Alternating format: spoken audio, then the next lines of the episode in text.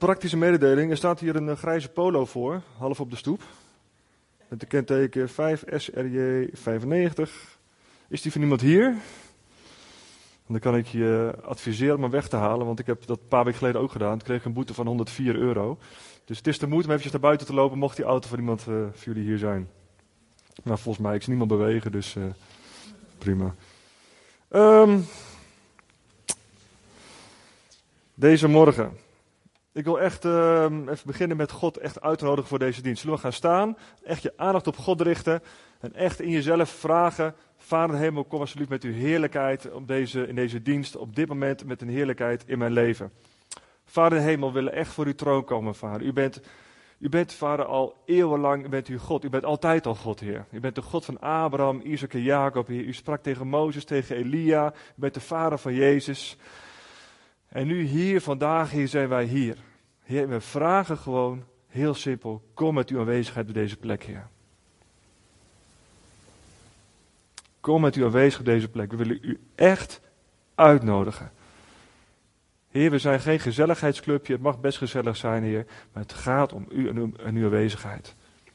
Raak ons aan. Ga de rijen op dit moment door, Heer God. Heilige Geest, ga de rijen alsjeblieft door. We willen echt alleen maar doen wat u wat u wilt dat we vandaag gaan doen. Heer, als we moe zijn of als we belast zijn, Heer, we willen bij u komen. Wilt u ons aanraken? Heer, we hebben niets buiten u om. We dragen echt in de naam van Jezus als een statement deze dienst ook aan u op. Doe maar wat u wil, Heilige Geest, kom maar. Kom maar, Heilige Geest. Raak ons aan. U heeft de enorme grote dingen heeft u gemaakt. De zon, de zee, de, de, de sterrenstelsels. Het is voor ons te groot, Heer. Maar ook op heel persoonlijk niveau kent u ons. U weet precies wat er in ons omgaat. Daarmee worstelen. Hoe we zijn. U weet alles. En u houdt van ons.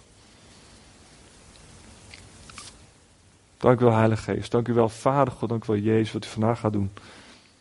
We danken u, Heer, voor bevrijding vandaag van de dood. Bedanken u voor bevrijding van mensen die met dood te maken hebben in hun leven. Bedanken u dat u de banden gaat doorsnijden van hen die vastzitten in religie vandaag. Dat gaat u vandaag doen, Heer. Door uw aanwezigheid, door, door uw Vader. Dank u wel. Heer, we zien uit naar wat u gaat doen. In Jezus' naam. Amen. Zo. Nou, vandaag een. Uh, we gaan vandaag ook echt dingen uit het woord van God horen. Maar we gaan ook een toneelstukje doen. We gaan een klein toneelstukje doen. Ik heb daar straks twee mannen voor nodig. Dus je mag je vast denken of je dat leuk vindt. Maar dan weet je het alvast. Um, we gaan even naar Matthäus. Matthäus 11, vers 28 tot en met 30. En daar staat: Kom naar mij als je moe bent. Kom naar mij als je gebogen gaat onder het gewicht van je problemen. Ik zal je rust geven. Doe wat ik je zeg. Leer van mij, want ik ben vriendelijk en geduldig en bescheiden. Daarom zul je bij mij innerlijke rust vinden. Wat ik je te doen zal geven, is niet te moeilijk of niet te zwaar voor je. Halleluja, wat een belofte is dat, hè?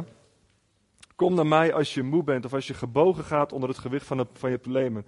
Nou, ik denk dat iedereen wel bepaalde problemen heeft en sommige mensen gaan eronder gebukt, sommige mensen blijven net overeind staan, of je hebt problemen gekend. Iedereen heeft wel tegenslagen in zijn, in zijn leven. En Jezus zegt eigenlijk: Kom naar mij. Kom als je moe bent. Kom als je gebogen gaat onder het gewicht van je problemen. Nou, de hele maatschappij zit vol met mensen. En ook de kerk, want we zijn gewoon een afspiegeling van de maatschappij. Zit vol met mensen die gebogen gaan onder hun problemen.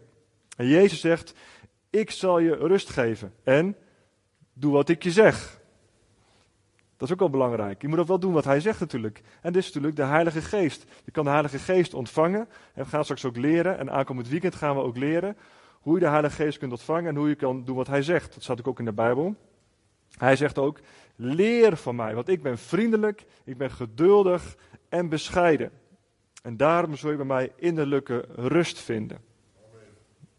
Amen, Amen. precies ja. Er staat niet: ik ga al je problemen oplossen. Of ik ga je saldo vermenigvuldigen. dat, dat gebeurt soms wel hoor. God uh, die kan soms hele bijzondere dingen doen. En we hebben een hele wonderlijke God. We hebben een God vol van wonderen. En als je de wonderen uit de Bijbel weghaalt, heb je maar zo'n dun boekje over. Snap je? Dus we, we, geloven ook in wonderen. We geloven in een God die redt. Maar het zijn, zijn wonderen en die zijn incidenteel. En die gebeuren als we erom vragen en als we verwachting hebben. Maar het is niet aan de lopende band van, nou, nu ben je bij God. En één keer zijn al je problemen als sneeuw voor de zon verdwenen. Was het maar zo. We hebben te maken met een gebroken wereld. Maar in die gebroken wereld zien wij glimpje, zien wij voorafspiegelingen van dingen die nog gaan komen. En we zijn maar tijdelijk hier, moet je goed beseffen. En als je het goed voor elkaar wil hebben in het leven, is prima, moet je ook vooral voor zorgen. Maar het gaat uiteindelijk om de eeuwigheid. Over 100 jaar is niemand van ons meer hier. Zijn we allemaal weg. Snap je dat? Over 80 jaar misschien al wel. Is niemand van ons meer hier. Dus nu, op dit moment, leven jij en ik leven hier. En we kunnen op dit moment kunnen we God eren, kunnen we goed zijn voor onze naasten en Gods koninkrijk bouwen. En dat is waar het om gaat. En uh, dus laten we gewoon lekker dicht bij God blijven. Want het is mogelijk namelijk dat je gedicht bij God bent. En misschien zeg je wel van, nou, mijn leven eens kijken. Moet eens kijken wat voor zonde ik allemaal heb gedaan. Nou, join de club, dan ben je het goede adres. Want zo zijn we allemaal. Zo waren we. En zo heb je misschien nog steeds issues in je leven. Maar als je gaat begrijpen hoe God naar je gaat kijken, wordt het allemaal anders. We gaan een stukje lezen uit uh, 2 Korintiërs. 2 Korintiërs 14 en 15. Nee, 2 Korintiërs 2, vers 14 en 15. Maar prijs God dat Hij ons in Christus altijd de overwinning geeft. Door ons verspreidt Hij overal de kennis van God. Door ons, zoals hoe wij hier zitten. Door ons verspreidt Hij de kennis van God. Want namens God spreken wij over Christus.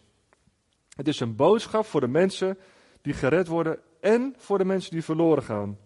Zegt u, nog, zegt u nogmaals, wij zijn één met Christus en vertellen het goede nieuws met eerlijke bedoelingen. God heeft ons die opdracht gegeven en hij ziet hoe we het doen. Dus hier staat ook heel bemoedigend, God kijkt naar ons, God kijkt naar jou en mijn leven. Dit schetst net al een beetje een plaatje. God is een God van eeuwigheid. Hij was er altijd al en zal er altijd zijn. Hij heeft enorm grote sterrenstelsels gemaakt, de zon, de planeten, alles. Maar hij kent heel persoonlijk, kijkt hij naar jou en mij. Hij kijkt naar jou. Maar de vraag is, en dat mag je jezelf stellen, hoe denk jij dat God naar jou kijkt? Hoe denk jij dat God naar jou kijkt? Hoe kijkt God naar jou? Als je blij bent, als je goede dingen hebt gedaan. Maar hoe kijkt God naar jou als je misschien net verschrikkelijk boos bent geweest? Of als je misschien verkeerde dingen hebt gezegd, ruzie hebt gemaakt, of misschien wel gezondigd? Hè? Wordt Gods beeld dan anders? Of blijft dat beeld van God naar jou hetzelfde? En hoe, hoe kijk je naar God? Want hoe je naar God kijkt bepaalt ook hoe je naar jezelf kijkt. Nogmaals, maar prijs God dat Hij ons in Christus altijd de overwinning geeft. Wij zijn één met Christus. Wat betekent dat nou? Wat betekent het nou dat je één bent met Christus? Wie weet dat? Wie durft er een gokje te wagen? Wat betekent het dat je één bent met Christus?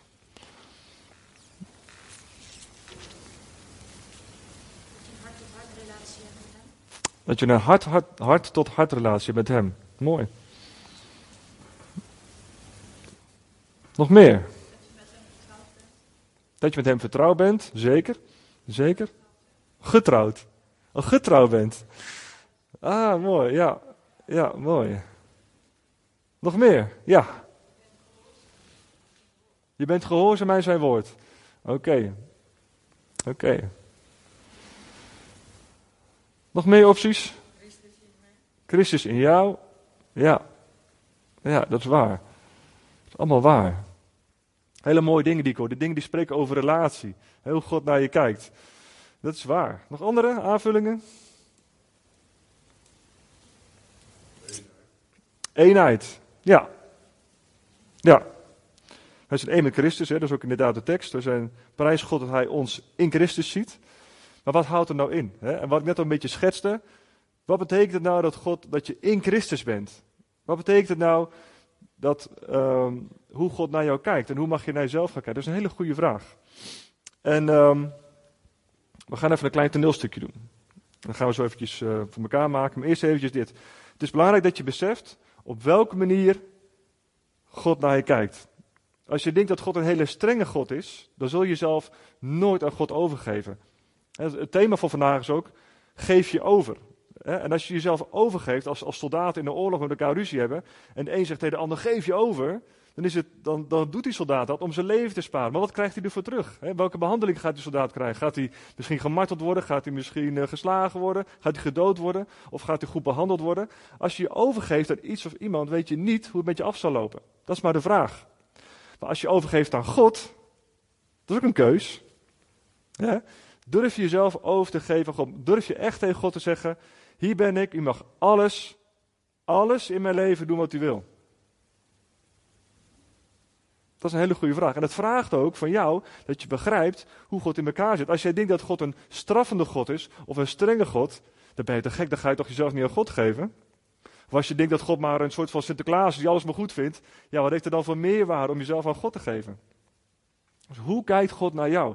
Wat betekent nou precies dat je, dat je in Christus bent? We hoorden net al een paar dingen over relatie. Nou, dat, dat klopt. Hè? En, uh, maar dat zijn, dat zijn uh, gevolgen van de oorzaak hoe wij in Christus zijn. Dat zijn voortvloeisels daarvan. Nou, ik heb uh, even twee heren nodig. Mag ik twee vrijwilligers? Ah, kijk, eentje is er al. Nou, jullie zijn ook precies qua maat. Voor maat zijn jullie mooi gematcht. Kijk, Rick, jij mag even hier komen staan. Jij bent uh, gewoon Rick. En Michael speelt eventjes Jezus. Ja? Hij speelt gewoon Jezus. We doen niet aan afgoderij. Maar Michael is even Jezus. Nou. En uh, Rick is gewoon onze Rick. Het is belangrijk dat als je dus. Uh, dat we, als we dit gaan doen, dat we eventjes iets vaststellen. of Rick wel eens gezondigd heeft. Ja? Rick. Heb je wel eens gezondigd? Natuurlijk. Nou, hij is een voorbeeld voor ons allemaal. We hebben allemaal gezondigd. God, we hebben allemaal met issues te maken. Rick heeft gezondigd. Wat heel veel mensen denken, is dat God zo naar hen kijkt. Mag je een stapje naar voren als je wil? Nog een stapje? Miro, kom maar even achter. Yes. Heel veel mensen denken dat God zo kijkt naar Rick, naar ons als zondaren. Dus die kijkt eerst naar Rick en dan daarachter ziet hij Jezus. Snap je het verschil?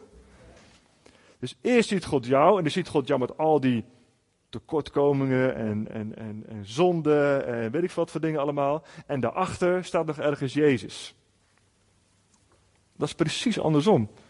Als je in Christus bent, kijkt God eerst naar Jezus en dan pas naar jou. Snap je? Gaan we eens even andersom staan als je wil. Dus, die hand maar even zo allebei. Ja, heel goed. Als God dus vanuit de hemel kijkt, dan ziet hij dus eerst Jezus en daarachter ziet hij dus Rick. Snap je dat? Dus als God naar jou kijkt, dan ziet hij helemaal niet de issues waar je mee worstelt, ziet hij niet de zonde waar je mee zit. Hij ziet Jezus aan het kruis hangen en daarachter, veilig ergens, zit Rikje nog, verstopt. Ja? Dan is het mooi dat je een stuk groter bent, dan kan je het ook mooi zien. Ja? Dus als God naar jou kijkt, dan ziet hij niet de issues waar je mee zit, ziet hij niet de zonde waar je mee zit, ziet hij niet de rotsel die je uitgehaald hebt. Als je het allemaal beleden hebt en je zegt, ja Heer, wilt u in mijn leven komen, ik geef me volledig. Dan ziet hij altijd als eerste, ziet hij Jezus. En daarachter ziet hij Rick. Je mag gewoon mee doen, een beetje zwaar. ja, maar afgeleefd blijf staan als je wil. Nou, dus als God, uh, als jij je goed voelt en je bent hele goede dingen aan doen, dan ziet God Jezus als eerste en daarna jou. Maar als jij misschien net gezondigd hebt of je hebt net hele verkeerde dingen gedaan, wat ziet God dan? Eerst Jezus en dan jou, ja? Dus als je in Christus bent, dan betekent dat dat God je altijd als een eenheid ziet met Jezus. Dus hoe je ook beweegt, hoe je ook doet, je bent één in Christus. Ja? God ziet jou als één in Christus. Nou, hoe zit het dan met zonde? Daar gaan we het zo nog even over hebben. Maar je moet, de basis is dat als je ja hebt gezegd tegen Jezus, als je met hem wil leven en je keuze maakt voor Jezus, dan ziet God jou als rein en als heilig. Rein en heilig. En dat is, de plek die je als christen hebt gekregen door het werk van Jezus. Nou, um, zullen we een applausje geven, deze lieve mensen? Hè? Gaan we naar voren toe? Dankjewel. Goed gedaan hoor. Nou, en als je dus weet dat God dus altijd van je geniet, dat God altijd blij met je is, dan kan je dus ook begrijpen dat dan dus Gods Heilige Geest in jou gaat komen. De basis is, je zonden zijn vergeven, je rotzooi is weggehaald en nu ben je dus een eenheid met Christus. Nou, hoe zit het dan met zonde? Ik zei het al. Maar als je christen bent, is het niet zo van, nou, nu ben je in één keer uh, ben je vrij van zonde, doe je alleen maar goede dingen. We vallen allemaal, we struikelen allemaal. Nou, er zijn er twee manieren hoe je daarmee kunt dealen. Of je gaat het volgens de wet, probeer je dus alles zo krampachtig mogelijk uh, te volbrengen. Dus je hebt de tien geboden, je mag niet doden, je mag niet, niet, niet, niet stelen, al die dingen. Maar het is een heilloze weg. En als de, de Bijbel zegt ook, als je dus probeert de wet te houden, verspil je de genade. Ja? Dus de manier is om dicht bij God te leven, dat je dus beseft in je hoofd, ik ben één met Christus. En de tweede is, uh, je laat je leiden door je geweten, door de Heilige Geest. Dus als jij iets zegt of doet wat niet helemaal goed is, dan weet je dat, dan voel je dat van, hey, dit is niet oké. Ik ga vergeving vragen, ik moet een andere keus maken. En God, als je met Jezus leeft en Heilige Geest leeft, dan ben je ook in staat om betere keuzes te maken. Het is dus zeker wel nodig om vergeving te vragen voor dingen die je niet goed doet. Je hoeft niet de hele dag vergeving te vragen. God kijkt naar jou en geniet van jou. Maar als je echt een zonde hebt begaan, als je echt hebt gemerkt, oké, dit ging echt over de schreef, je hebt iets verkeerds gekeken, je hebt iets verkeerds gedaan, dan vraag je God, Heer, wilt u mij vergeven? Wilt u uh, de relatie tussen mij en u herstellen? God gaat je dus niet vergeven om je, uh, om je eeuwigheid te redden, om je plekje in de hemel vrij te stellen. Want dat is in Jezus al gebeurd. Je gaat vergeving vragen, zodat de relatie tussen jou en God in orde blijft. Snap je dat? Dat is het verschil. En de rechtvaardige die struikelt en staat zeven keer op. Waarom? Waarom zeven keer? Dat is een symbolisch getal en dat staat eigenlijk voor oneindig. Dus hoe vaak je ook valt, je zegt, Heer, ik heb weer gezondigd, helpt u me alstublieft. Nou, wat moet je dan doen? Moet je dan heel hard tegen die hardnekkige zonde blijven vechten? Soms is dat goed. Soms moet je zelf gewoon even een flinke schop onder je achterste geven. En zeggen van nou, hier ga ik tegen strijden. Ik ga discipline. Ik ga er tegenaan. Maar soms is het ook goed om te zeggen, Heer, ik kan het niet. Heilige Geest, wilt u komen? Wilt u iets in mij veranderen? Misschien heb je een bepaalde gebondenheid. Heb je last van, uh, van zondige patronen in je eigen leven? Had je voorgeslacht? Moet je bevrijd worden van dingen? Maar geef het over aan God. Geef het over aan de Heilige Geest en zeg je, Heilige Geest, wilt u mij helpen om hier vanaf te komen? Want ik kan dit niet. En dan geef je dus jezelf over in de handen van God. Waarvan je dus nu hebt gehoord dat het veilig is. Het is goed bij God. Het is goed om bij God te zijn. God geniet altijd van je. Geniet je altijd van jezelf? Nou, ik hoop zoveel mogelijk. Maar als het niet zo is, God geniet wel van je. God is blij met je. God houdt van je. Hij heeft alles gegeven om dichtbij te zijn. Je bent dus in Gods ogen volledig vrij van schuld. Als God dus naar je kijkt, ben je op geen enkele manier meer schuldig. Het, het, is volledig weggedaan. Nou,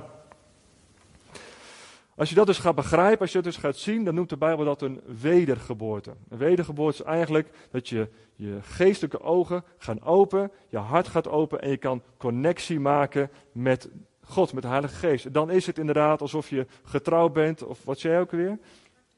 Een hart-tot-hart relatie en alle andere mooie dingen. Dat is allemaal mogelijk door de werking van jou en de Heilige Geest. De Heilige Geest komt in je wonen. Nou, hoe persoonlijk wil je het hebben als God in je kan wonen?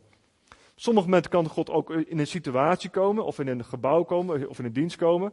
Als we straks gaan bidden voor de mensen, hè, dan komt straks zalving, komt hier ook, Gods aanwezigheid, zoals we dat noemen. En dan is er uh, mogelijkheid tot genezing, tot bevrijding, voor profetie, voor andere dingen. En dan komt Gods aanwezigheid, die is daar. En dan ga je, kan een tijdje kan je heel vurig bidden, gebeurt er van alles. Op een gegeven moment gaat die aanwezigheid weer naar boven toe. Dat is, dat Gods aanwezigheid, Gods salving noem je dat. Maar de Heilige Geest is altijd in je. Die kan je altijd leiden, kan je altijd sturen, kan je altijd in, inzichten geven. Hij woont permanent in je. Ook al ben jij misschien uh, met smerige dingen bezig of heb je rare dingen gedaan. God ziet altijd eerst Jezus en dan jou. En daarom kan de Heilige Geest ook in jou wonen. Het is dus, het is dus absoluut geen vrijbrief om te zondigen. Hè, maar het is juist een, een aansporing om dicht bij hem te leven. Want als je eenmaal geproefd hebt van hoe goed, hoe goed God is, dan wil je alleen maar dichter bij hem komen. Wil je meer voor hem leven, wil je meer gaan uitdelen. En wil je ook wonderen en tekenen zien, toch? Ik wil wonderen en tekenen zien in mijn leven hoor. Ik wil straks als we gaan bidden, wil ik zien de mensen bevrijd worden. Wil ik mensen zien dat mensen genezen worden. dat je ziel vrijgezet wordt van al die rotzooi in de wereld. Dat je, dat je gedachten vernieuwd worden. Dat je loskomt van uh, denkpatronen, zondige denkpatronen of denkpatronen die, die je tot last zijn. als de Heilige Geest gaat komen, dan ga je heel anders in de situatie staan. De situatie wordt niet per se gelijk anders. Het kan. Absoluut, het kan zeker. Maar vooral wat jouw innerlijk wordt anders in die situatie. Je krijgt rust van binnen. Krijgt vrede van binnen. En omdat je dus de Heilige Geest in je hebt, ben je ook in staat om betere keuzes te maken. God weet alles. God is alwetend. Dus als de Heilige Geest in je woont en je gaat keuzes maken, dan moet dat een betere keuze zijn dan als je keuze maakt zonder Heilige Geest. Toch? Ja, want je hebt een directe connectie, een direct lijntje met God. Alleen je moet dan wel leren hoe God spreekt. God spreekt uit de Bijbel. Er staan talloze voorbeelden. Allemaal waarschuwingen en, en, en bemoedigingen, aansporingen.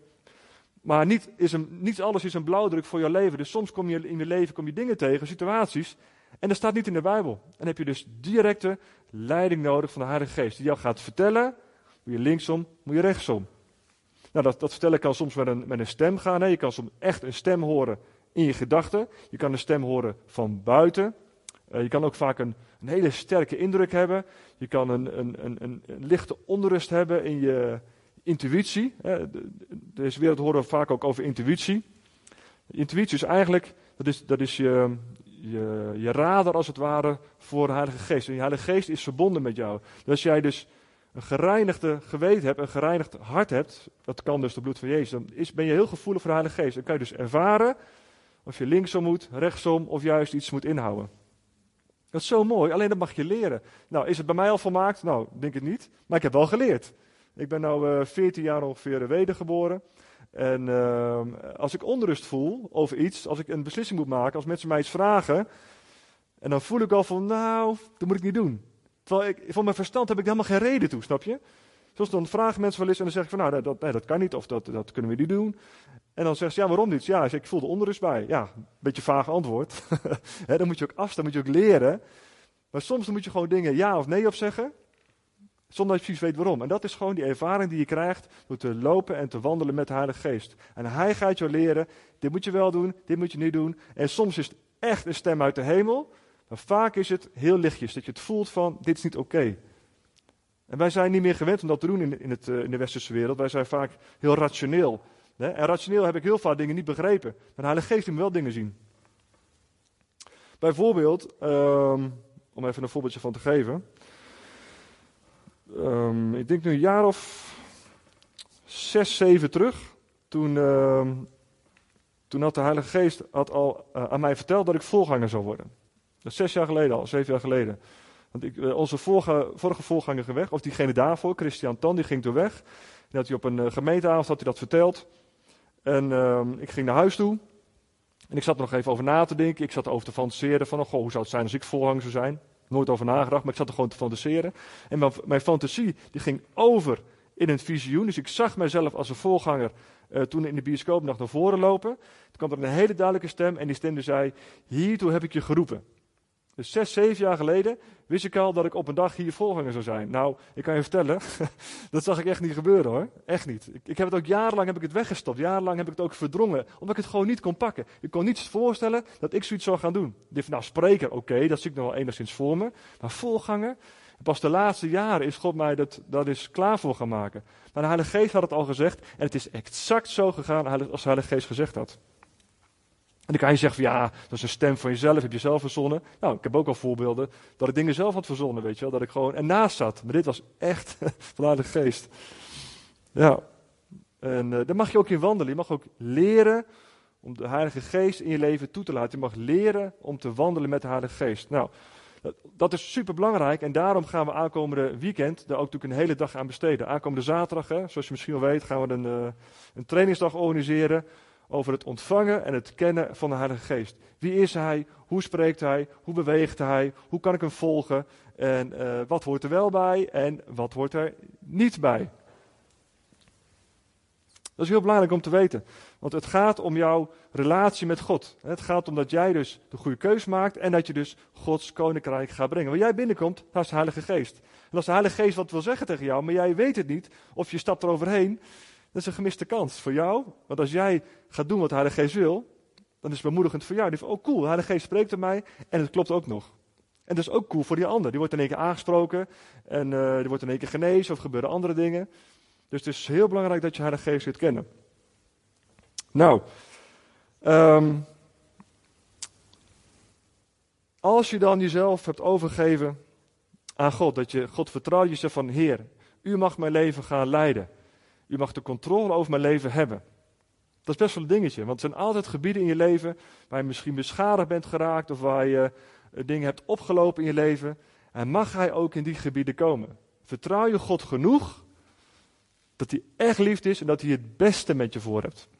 Vaak hoor je ook van die, uh, van die, van die, van die verhalen van mensen. Ze zeggen, ja, als ik dan, uh, als ik dan mijn leven aan God geef, dan in één keer moet ik in één keer naar, uh, naar de Noordpool toe, of moet ik in één keer naar een gebied waar ik helemaal niet leuk vind, en moet ik allemaal dingen doen die ik niet, wil. Dat is helemaal niet waar.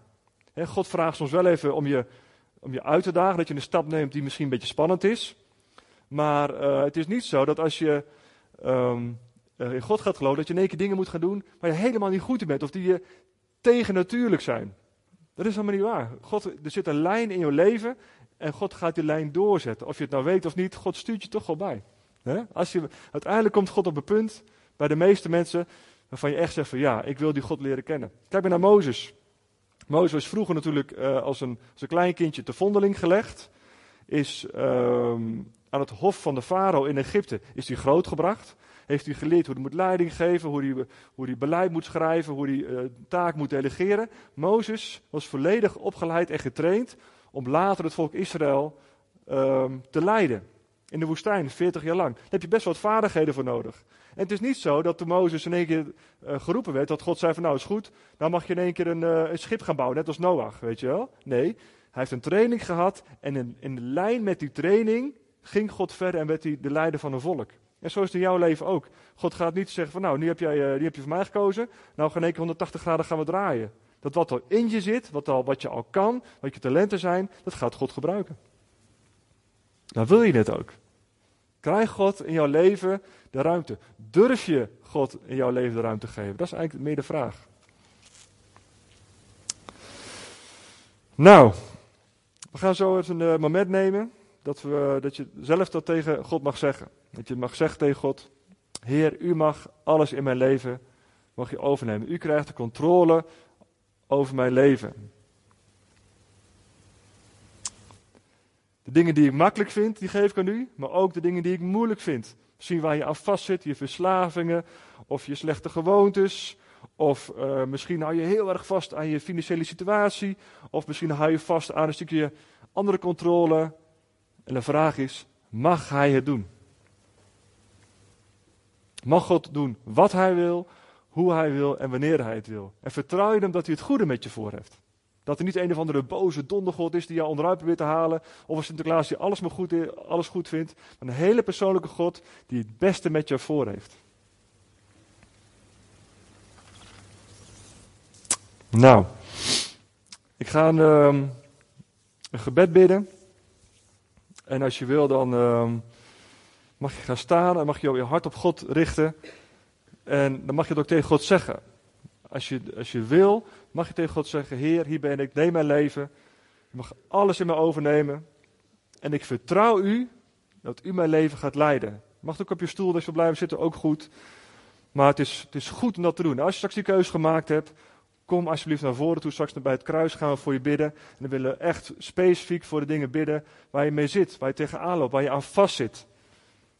Want ik zei straks al, we hebben een God die niet alles voor je oplost, maar we hebben wel een God verwonderen die echt wel dingen in je leven kan veranderen. Die je echt kan aanraken. Ja? Neem gewoon even een tijd, dat je zelf de keuze mag maken. Normaal gesproken zou je ook naar voren komen. goed, ja, met corona, maar het kan ook vanaf je eigen plaats. Zeg alsjeblieft tegen God, Heer, hier ben ik. En neem mijn leven en doe wat u wil. En dan gaan we straks voor je bidden. Ook als je het niet gezegd hebt, bidden we ook voor je. Geen probleem. Vader in de hemel, Heer, hier zijn we, Heer, als, als broer en zus in deze gemeente. Heer, op 4 oktober 2020, Heer. En eh, we hebben gehoord dat u te vertrouwen bent. We hebben gehoord dat u altijd naar ons kijkt in liefde en in blijdschap. Ook al voelen we geen blijdschap, ook al voelen we ons misschien ellendig, maar u kijkt naar ons met ogen van liefde. En u wilt zelfs uw Heilige Geest in ons geven. Dat we heilig zijn, Vader, in uw ogen, zijn rein in uw ogen. Ook al hebben we vanochtend nog gezondigd, of gisteren, we hebben een hele rare week gehad. Als we ons leven aan u geven, dan zegt u tegen ons: Ik kijk naar jou in liefde. Heer, hier zijn we voor u. Als je wil, mag je gewoon een keus maken en in jezelf tegen God zeggen: U mag doen wat u wil, hoe u het wil en wanneer u het wil. Leid mij door die Heilige Geest. Ik geef de controle van mijn leven in uw handen. God is bij machten elk gebed te horen. Hij hoort je, hij verhoort je. Kan gewoon zachtjes in je eigen gedachten. Maar hij heeft het meegekregen. En hij is, hij is zo blij met jou. Hij ziet jou en zegt: Yes, eindelijk zegt hij ja tegen mij. Eindelijk zegt ze ja tegen mij. En nu kan ik mijn liefde aan hem uitstorten. Nu kan ik hem gaan bevrijden van die last. Die al die jaren bij je was. Nu kan ik je gaan losmaken. Nu kan ik nieuw leven gaan geven.